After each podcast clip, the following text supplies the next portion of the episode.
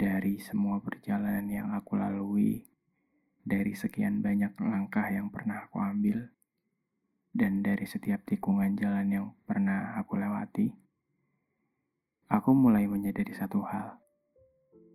Ketika melakukan sebuah perjalanan yang jauh bersama seseorang tentunya, yang nantinya akan diingat itu bukanlah betapa indah tempatnya, melainkan betapa nyamannya saat-saat yang dihabiskan bersama orang itu.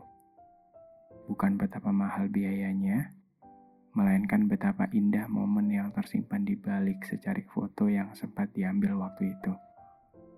Bukan betapa jauhnya, melainkan betapa banyaknya kenangan yang gak akan pernah terhapus. Bahkan setelah foto itu diambil terhapus. Meskipun mencoba untuk melupakannya, hal itu nggak akan benar-benar terlupa. Bahwa segala kenangan akan tetap ada, bahkan saat sudah tidak ingin mengenangnya lagi.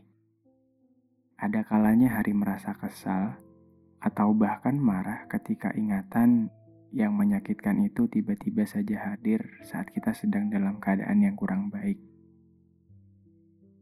Tapi percayalah, akan tiba waktunya hati merasa beruntung karena masih diberi kesempatan untuk mampu mengingat kembali apa yang telah lama pergi.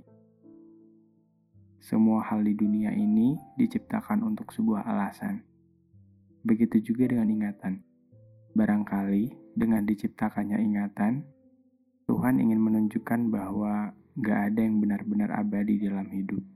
Bahwa apa yang ada saat ini belum tentu besok juga masih ada seperti sudah direncanakan bahwa suatu saat, cepat atau lambat, orang yang selalu ada pasti akan pergi dan hanya menyisakan memori yang bisa digunakan untuk mengenang, bukan untuk mengulangnya kembali.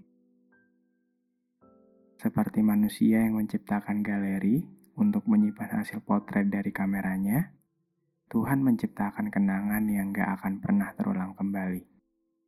Cukup adil kan?